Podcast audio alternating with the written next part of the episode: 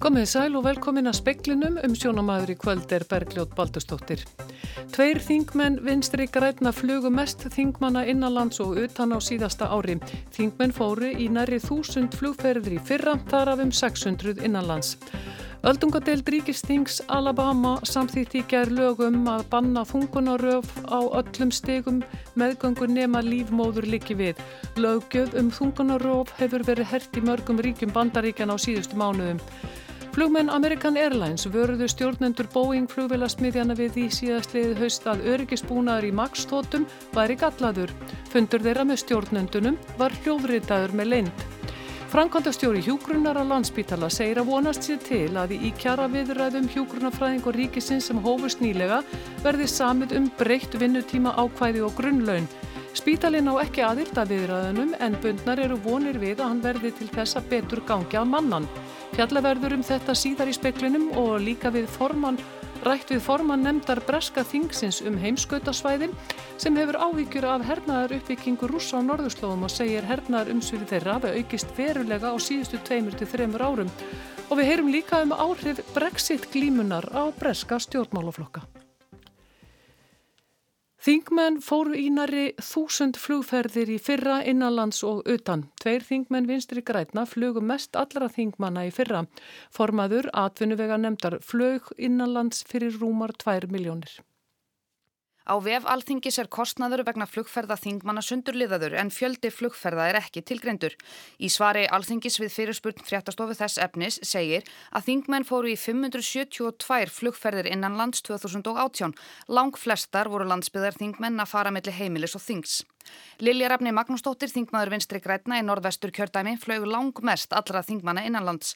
Lögheimili hennar er á Suðureyri. Kostnaður við innanlandsflug Lilju Rafni er var rúmar 2 miljónir. Af þingmannum norðaustur kjördæmis flugu þau Njál Trösti Friðbertsson sjálfstæðisflokki og Albertína Friðbjörg Eliastóttir samfylkingu mest fyrir rúma 1,5 miljóna mann. Þau eru með lögheimili á Akureyri. Alþingismenn fóru í 382 flugferðir til útlanda vegna vinnu í fyrra. Rósa Björk Brynjólfsdóttir, þingmaður Vafge, flög mest Erlendis fyrir rúmlega 1,2 miljónir. Næstur og eftir kemur Stengrimur Jóð Sigfússon, fórseti Alþingis og þingmaður Vafge. Kostnaður vegna hans flugs naðum 895.000 krónum. Þess ber að geta að ferðir ráþæra eru ekki inni í tölunum þar sem að þeir eru á vegum ráðunitana. Sunna Valgerðardóttir sæði frá, nánar verður fjallaðum þetta í sjóansferðitum. ASI áskilur aðildarsamtökum sínum rétt til að rifta nýgerðum kjærasamningum við atvinnureikendur sem hafa sagt upp launakjörum eftir undirritun samningana. ASI veitir félagunum einnig rétt til að hefja aðgerðir til að knýja á um undirritun nýs kjærasamnings og beita til þess öllum tiltækum þvingunar aðgerðum þar á meðal talið verkvöldum. Þetta kemur fram í álettun miðstjórnar ASI í dag. Tilefnið er mál sem ebling hefur á sínu borði og tengist eiganda Capital Hotel keðjuna Orkuveitunar. Hann sendi starfsfólki bref þess efnis að frá og með næsta mánuði verði laun greitt samkvæmt kjara samningum og að allar greiðslur umfram launatöflu verði afnumdar. Það þýðir að starfsfólk sem áður fekk greitt umfram taksta fær framvegis greitt samkvæmt launatöflu. Ebling telur slíkt ganga gegn kjara samningnum að lækka laun þeirra sem áður fengu greitt umfram taksta. Það fólk komi út á nulli og fái enga kjarabót.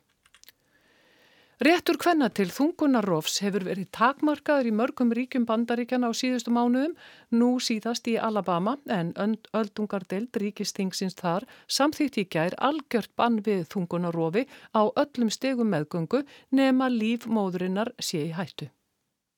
Í gær, degi eftir að alþingi Íslendinga samþykti lögum sjálfs ákverðunarétt hvenna yfir eigin líkama, samþykti öldungadeild Ríkistings Alabama lög sem banna þungunarof á öllum stegum meðgöngu nema líf móðurinnar sé í hættu.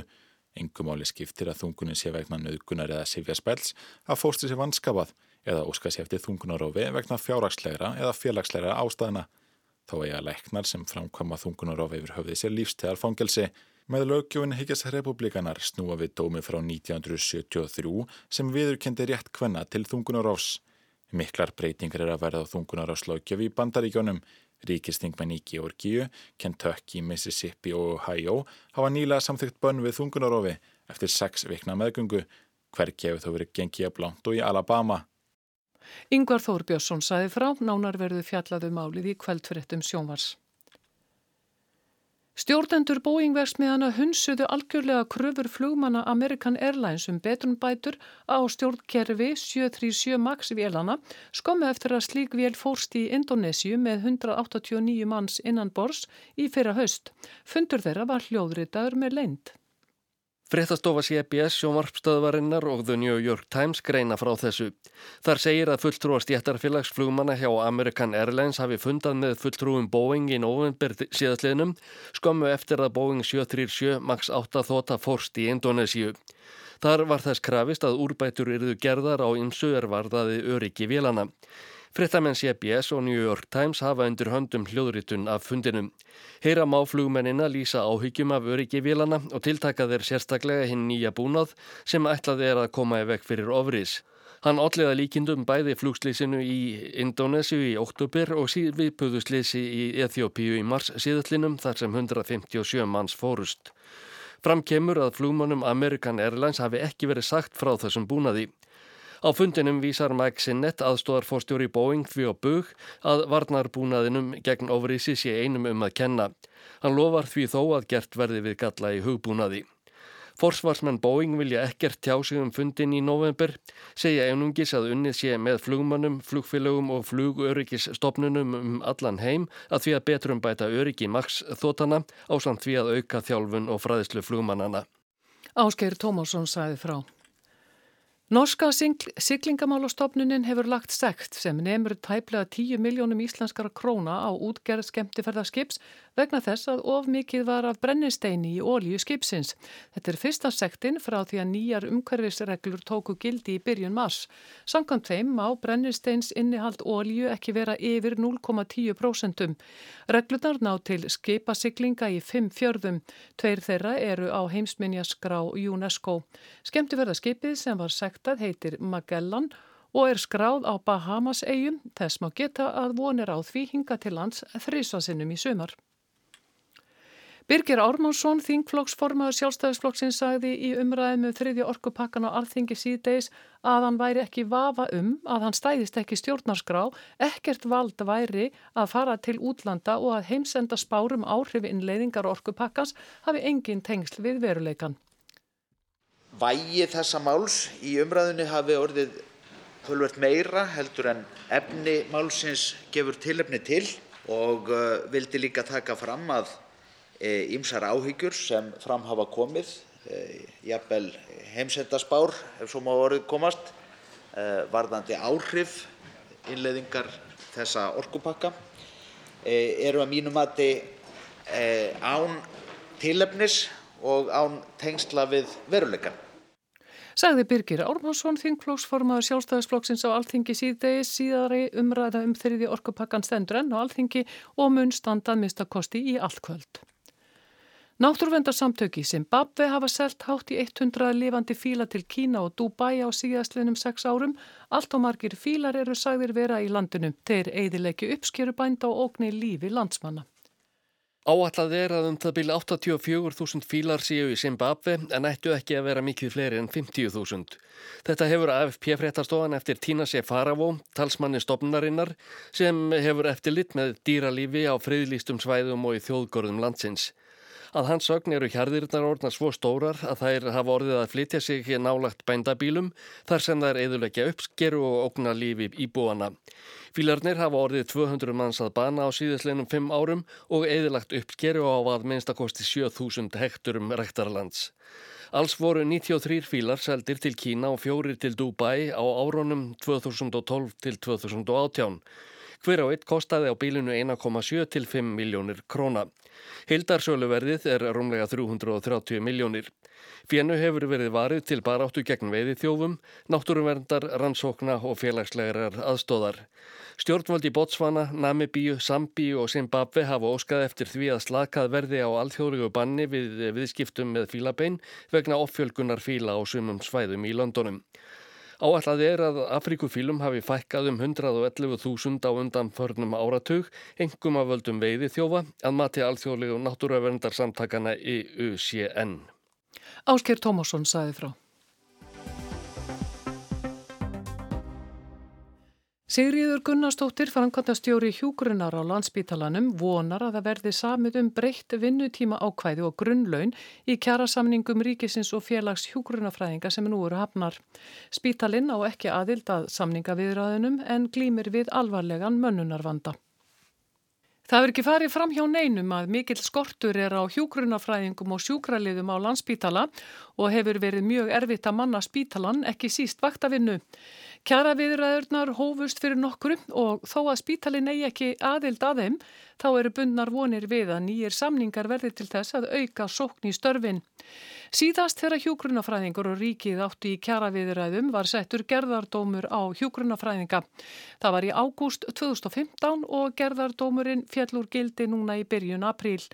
Sigriður segir að síðan þá hafi þjónustu þörfin aukist á spítalanum og stórir árgangar hjúkurnafræðinga láta af störfum. Og endur nýjennin, nýleðinin, hún stendur ekki undir því að, að bregðast við þeirri fækkun og síðan var það alveg ljóst í kjölfar gerðar dómsins að það var, uh, hjúkurnafræðinga voru mjög ósáttir og uppliði þetta sem ábyldis aðgerð að hafa verið beittir, beittir þessu úræði. Þannig að það kom heilmiklu róti á fólk Marg oft hefur komið fram að vegna skorts á hjúkurnafræðingum og sjúkraliðum standi rúm auð á deildum landsbítalans. Ástandið er breytilegt frá degi til dags. Speilin kannadi stöðuna á mánudagin og þá voru 688 rúm auð á spítalanum en 706 sjúklingar. Ef einungis er litið til bráðadelta sjúkrahúsins, þar sem álægið er mest, var 431 rými í notkun en 468 sjúklingar á deildunum. Til viðbótar byðu 25 sjúklingar á bráðamóttökunni eftir að koma stað. Nýtingin á deildunum var 114%. Sigriður segir að málið sé flókið og snúist að hluta um laun hjúgrunafræðinga. Grunnlaunin séu ekki nægilega há til að laða hjúgrunafræðinga til starfa. Við erum að byggja upp mikla dag- og gangudelda starfsemi þar sem við erum að ráða fólk inn í dagvinnu og, og grunnlaun án yfirvinnu eða vaktafalagsgreðsna eru ekki nægilega hátt til þess að, að laða í þau störf í dag. E, það er tiltúlega nýtt, það hefur yfirlegt gengið betur að manna dagvinnuna og staðista áskorun okkar hefur verið að manna að vinnu utan dagvinnutíma. Erfilega hafi gengið að manna vaktavinnuna meðal annars vegna vinnutímans. Hjúgrunafræðingur í fullri vinnu hafi sömu vinnuskildu og aðrir 40 stundir á viku. Og það er í raun og veru ógerningur að láta það ganga upp án þess að brjóta bara vinnutíma ákvæði og annars slikt. Þannig að það sem að hefur gæst er það að hjúgrunafræðingar hafi raun og veru tekið á sig skerðingu sjálfur með því að vera í lægra starfslutvalli og meðal starfslutfall hjúkunarfræðinga hjá okkur hefur verið í kringum 70% sem þýðir að þeir eru náttúrulega bara að fá 70% laun. Þannig að það þýðir aldrei að tala bara um e, og þegar það verið að bera saman við aðra stjættir þá þýðir ekkert að bera saman bara 100% laun við 100% laun vegna þess að fæstir af þeim hjúkunarfræðingu sem eru í fullu starfi, nei eru sem sagt í vaktavinnu, eru í fullu starfi. Er þá sko draumur ykkar hjá landsbítalanum að sko snýr hann eitthvað að því að það veri breytti, einhverju veri breytti kjærasamningum varðandi vaktavinnuna? Það er alveg nöðsynlegt að breyta vinnutíma ákveðinu og, og, og viður kenna það að 100% vaktavinna á þrískiptum vöktum að þú getur ekki skilað 40%, neða 40 stundar vinnuviku segi ég. Þannig að, að það er alveg ljóst að það þarf að fara inn í það en þá þarf líka að fara inn í grunntakstana. Landsbítalinn hefur á undanförnum missurum reyndað mæta þessum aðstæðum. Til dæmis hefur fólk fengið umbun fyrir að vera í hærra starfslutfalli, komið hefur verið upp viðbraðsvöktum og margt fleira. En alla svona aðgerði sem eru umfram kjærasamninga, það er sett okkur í ákveðin vanda vegna þess að við erum á förstum fjálugum og þau miðast við kjærasamninga. Þannig að landsbítali er almennt ekki stöðu til þess að geta greitt umfram kjærasamninga. Þá bara lendur við í rekstrar vanda sem er náttúrulega það sem við sjáum. Þannig að, að það sem að er æskilegast er að, að alla svona aðgerði séu í gegnum kjærasamninga. Landsbítalinn er ekki aðili að kjara viðræðunum en bendur vonir við útkomið þeirra. Launin, vinnutímin og aðstæður sem starfsfólk er bóðið upp á eru nöysenlegir þættir í að byggja upp öfluga heilbreyðustjónustu til lengri tíma. En hitt er líka það að það þarf að viðurkenna uh, til lengri tíma að það þarf að menta fleiri hjúkunarfræðinga. Þeir eru enga vegi nægilega margir til þess að sinna þeim verkefnum sem að framöndan eru og að viðurkenna líka að, að þjónustu þörfin er alltaf aukast með fjölgun aldraðra og langveikra þannig að það þarf að byggja upp úrræði bæði á spítala en ekki síður út í samfélaginu. Sigriður segir að lög sé áherslu á að fjölga hjúgrunarheimilum en til þess að geta rekið þau þurfi hjúgrunarfræðinga og sjúkraliða. Þannig að það þarf svo sannarlega að huga vel að því og setja í raun og, raun og vera stað mjög markvisar aðgerðir til þess að fjölga hjúgrunarfræðingum og sjúkraliðum til lengri tíma. Og hvað slags aðgerðir væru það?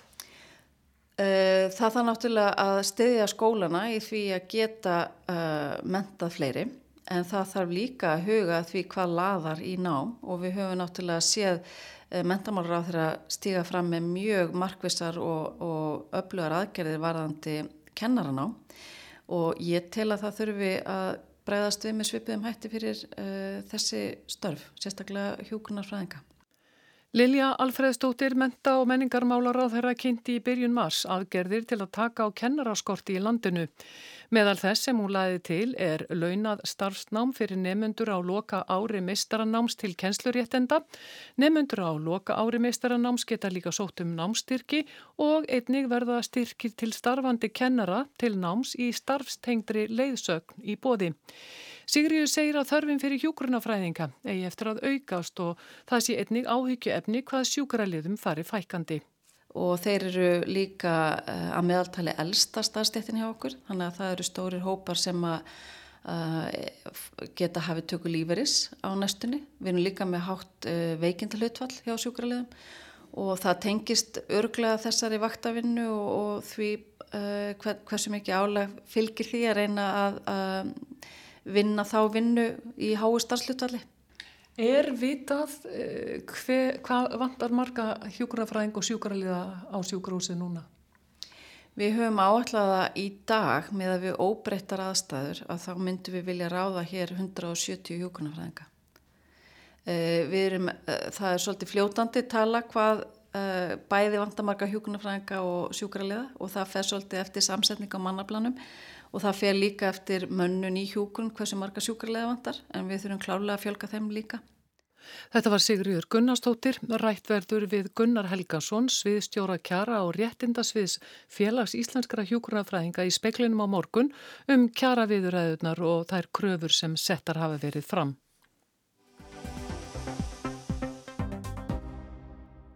Breski þingmaðurinn James Gray er áhyggjufullur vegna hernaðar uppbyggingar rúsa á norðurslóðum á síðustu árum. Þá telur hann margt benda til þess að kínverjar standi að fjármögnun risahafnar í finnafyrði á norðausturlandi. Hann hvaðist ekki hafa áþreifanlegar sannanir fyrir þessu, fyrir þessu en þeir hafi mikinn áhuga á norðurslóðum. James Gray rætti ógnanir á norðurslóðum í erindi á fundi Varbergs samtaka um vestræna samvinn og öryggismál. Gray er margareindur í utanríkis og öryggismálum. Hann er meðal annars formaðu nefndar breska þingsins um heimskautasvæðin. Á fundi Varbergs rætti Gray meðal annars fyrirætlanir kynveri á norðurslóðum. In the more longer term, I think we must be aware also of Chinese interests uh, in the Arctic and in the high north. Uh, they are investing an enormous amount of money in all kinds of infrastructure. Uh, and you have to ask why they're doing that. I suppose it's because they see long-term, uh, long-term prospects of um, economic activity or military activity uh, here in the high north. Við verðum að vera meðvituðum áhuga kynverja til lengri tíma á norðurskautinu og norðurslóðum, saði James Gray. Þeir fjárfesta nú gríðarlegar upphæðir í innvíðum erlendis og ætla má að það sé vegna þess að þeir telji svæði hér á norðurslóðum geta orðið efnahagslegan eða hernaðarlegan vettvang til langstíma lítið, sagði Gray. Hann saðist einnig að hafa hirt frá mörgum að allar líkur væri á að kynverst fjármaksstæði að baki fjármögnun hafnaruppbyggingar í finnafyrði. Kínverjar hefðu áhuga á útafsöfn á Íslandi við enda á siglingaleginni yfir norðurslóðir þar sem að skip á leið frá Kína gætu komið. I've heard from various sources over the years that that's almost certainly Chinese money behind it, and the Chinese looking to have a deep sea port at the end of the Northern Sea route. There, are ships coming from China through the Northern Sea route, landing up in a deep sea port uh, on the island of Iceland. Grey tók raunar fram að hann hefði yngar áþreimalega sannanir fyrir þessu en þetta væri framgangsmáti kynverja. I may be incorrect there, I have no real scientific evidence that's the case, uh, but that's the way the Chinese work. Grey sagði að kynverjar hefðu reynt að fjárfesta í þreymur stórum flugullum á Grænlandi. Honum skildist að bandarækjaman og Danir hefðu stöðvað það en kynverjar hefðu sínt Grænlandi mikinn áhuga. Equally in Greenland, uh, they've been trying to provide the funding for the three new airports in, in, in Greenland. I think that America uh, and the Danes have uh, stopped that happening now, but certainly the, the Chinese have been showing a big interest there. Chinese investment in, in Greenland in, in mines is very significant. They're, they're digging up uh, rare earths in, in, in Greenland in a very big way. Greið saði einnig að kynverjur hefðu fjárfest mikið í námum á Grænlandi þar sem að væri unnið mikið af sjálfgefum málmum. Greið rætti einnig siglingar á norðurslóðum. Hann saði að nú þegar sildu skip reglulega frá norður Úslandi með fljótandi gas til bæði Evrópu og Kína og Japans. Greið saði að þó að hafís hefði minkað væri siglingaleiðin ekki greið. Sér útbúin skip þyrti til að sigla þessa leið. Leiðin yrði ekkert sem jafnaðist á við Panama eða Suezskurðina á allra næstu árum. Um, I think the notion is all going to be open, much like the Panama Canal or the Suez Canal it certainly won't be in the near future. Benti á að þó að hafísinn heldi áfram að minka væri langt í að hann hirfi. Hann væri því efinsum að siglingar um norðurslóðir yrðu svo gullnáma sem fólk hefði talið fyrir 5-6 árum. So I, I, I'm simply I'm a little bit skeptical as to whether or not the Northern Sea Route's going to be quite the, the, the, the gold mine that uh, five or so years ago people thought it would be. James Gray er eindreinu stuðningsmaður vestræðna samvinnu í varnar og öryggismálum og situr á NATO-þinginu og í sameigilegri nefnd begja deilda breska þingsins um þjóðaröryggismál. Hann hefur fylst með þróun mála á norðu slóðum áratugum saman og líst ekki á hernaðar uppbyggingu rússa í norðri og tvent veldur honum engum áhyggjum. I'm very concerned about two things really in the long term. Uh, first of all, I think the Russian build-up of military equipment and, and people in the north north coast and the Arctic coast of Russia is very worrying. Uh. Grey segir að rússar hafi byggt upp bæði tækjabúnað og fjölgaði herliði sínu á svæðum í Rúslandi náleitt heimskotasvæðinu og það valdi verulegum áhyggjum. Þeir hafi nú tvöfalt fleiri kábáta og séu betur búni til neðansjávar hernaðar. Þeir hafi bætt tveimur herdeildum sem eru þjálfaðar í heimskotahernaði við herliðið nærri Múrmansk. Rúsneska springjuflugvilar rjúfi lofthelgi NATO-ríkja með reglubundum hætti. Hernaðar umsvið rússa á norðurslóðum hafi aukist verulega á síðustu tveimur til þreymur árum. So the, the military activity in the north has increased very substantially in the last two or three years.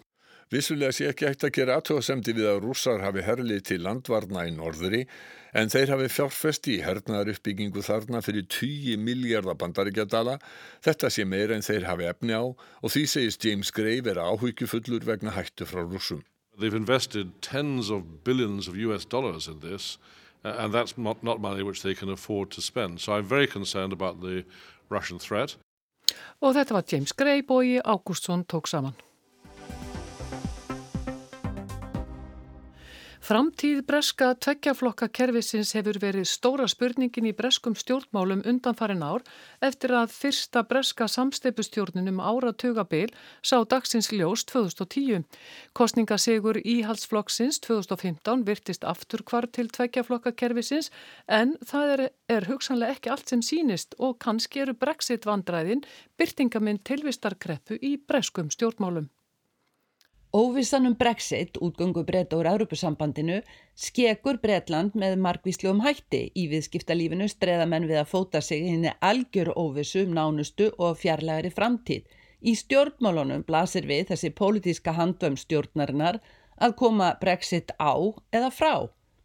Í byrjun júni ætlar Theresa May fórsatsráðara að gera fjörðu adrenna til að fá þingið til að samþykja útgöngusamningin við ESB þráttur óvissar horfur. Það er þá eftir Evropaþínkostningarnar sem hún marglofaði að yrði ekki haldnar því brettar væru á leiður ESB. Stjórn mei hefur undanfarna mánuði virst hanga saman að þeirri einu ástæðu að mei er först í Brexit-fóraðinu. Fyrir þriðju atkvæðagreisluna lofaði mei þingfloknum að fara frá ef þingið samþykti samningin en það döði ekki til. Hvort sem samningurinn verður samþyktur eða feldur á mei á hættu afsagnir ráð þeirra. Fylkingar með og móti samningnum í flokki fórsetsaðra berast áfram á banaspjótum og enginn til að draga megi upp úr brexit-fóraðinu. Á meðan gerist ekkert, henni enn ekki komið frá eins og anstæðingar hennar hafa hóta mánuðum saman og stjórnin springur ekki.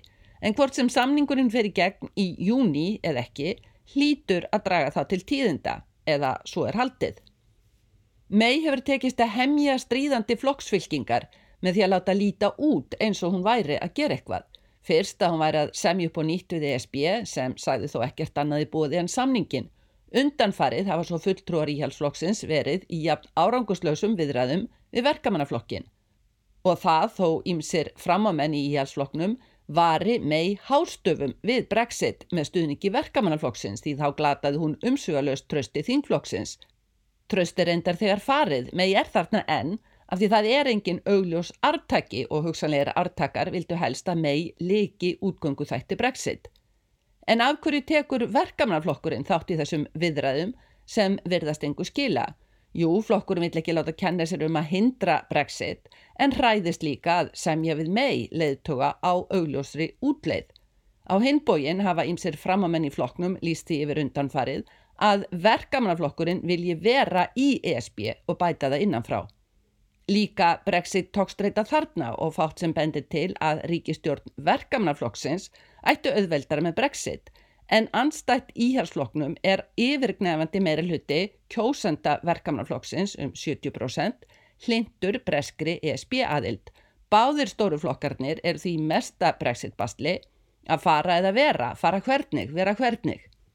Þetta er nokkuð sögulegt því stjórn landsins hefur í meirinn halva öld nokkuð veginn undantekningalöst verði í höndum annars þessar að tvekja flokka og það er líka sögulegt að verkamannaflokkurinn grætti lengi vel ekki áþreifanlega á vandraðagangi íhalsflokksins. Nú verðast þú einhverjar fylgisveiflur í gangi líka hjá öðrum flokkum. Fram eftir vetri var íhalsflokkurinn með nokkuð stöðut forskot, svo jöfnust metin. Nú sínir nýjasta skoðanakönunin að 34% kjósenda styðja verkamannaflokkin, aðeins 25% styðja íhalsflokkin heil 9% stig á milliðra.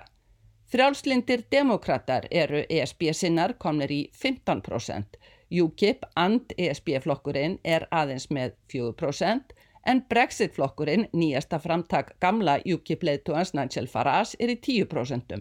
Græningjar með 3% fylgi, nýje ESB-sinna flokkurinn Change UK 1%. Ef hins vegar er hugað að fylgi fyrir Evrópukostningarnar, blasa við skegjandi tölur fyrir báða stóruflokkana. Brexit-flokkur Farage er í hæstu hæðum með tæplega 30% fylgi, réttriflega fylgi UKIP í síðustu kostningum þá undir fórustu Farage. Verkamannaflokkurinn í kringum 23%, íhalsflokkurinn og frjálslindir í kringum 13%, aðrir þar fyrir neðan. Ný heimildamindum Brexit séð frá Brussel segir heldur neyðarlega sögu um illa undirbúna breska brexit viðleitni. Þar segir Michel Barnier, aðalsamningamæður ESB, að Evrópu afstæða breyta sé ekki einhlít skýring á bresku brexit vandraðunum. Kjarni breska vandans sé pólitísk tilvistarkreppa. Sannarlega íhugunarefni í ljósi vingulsháttar stóruflokkana tveggja varðandi brexit og rétt að hafa í huga að samningaviðræður um framtíðarsamband breyta og ESB er enn ekki byrjaðar. Sigrún Davíðstóttir sæði frá. Veður horfur næsta sólarhingin, suðaustan 5-13 metrar á sekundu og rigning sunnan og vestanlands en bjart viðri um landið norðaustanvert. Lægir smá saman á morgun og víða skúrir en áfram bjart norðaustan til. Hiti 8 til 18 stig, hlýjast norðaustanlands. Það er ekki fleira í speklinum í dag. Tæknimaður var Mark Eldrett. Verðið sæl.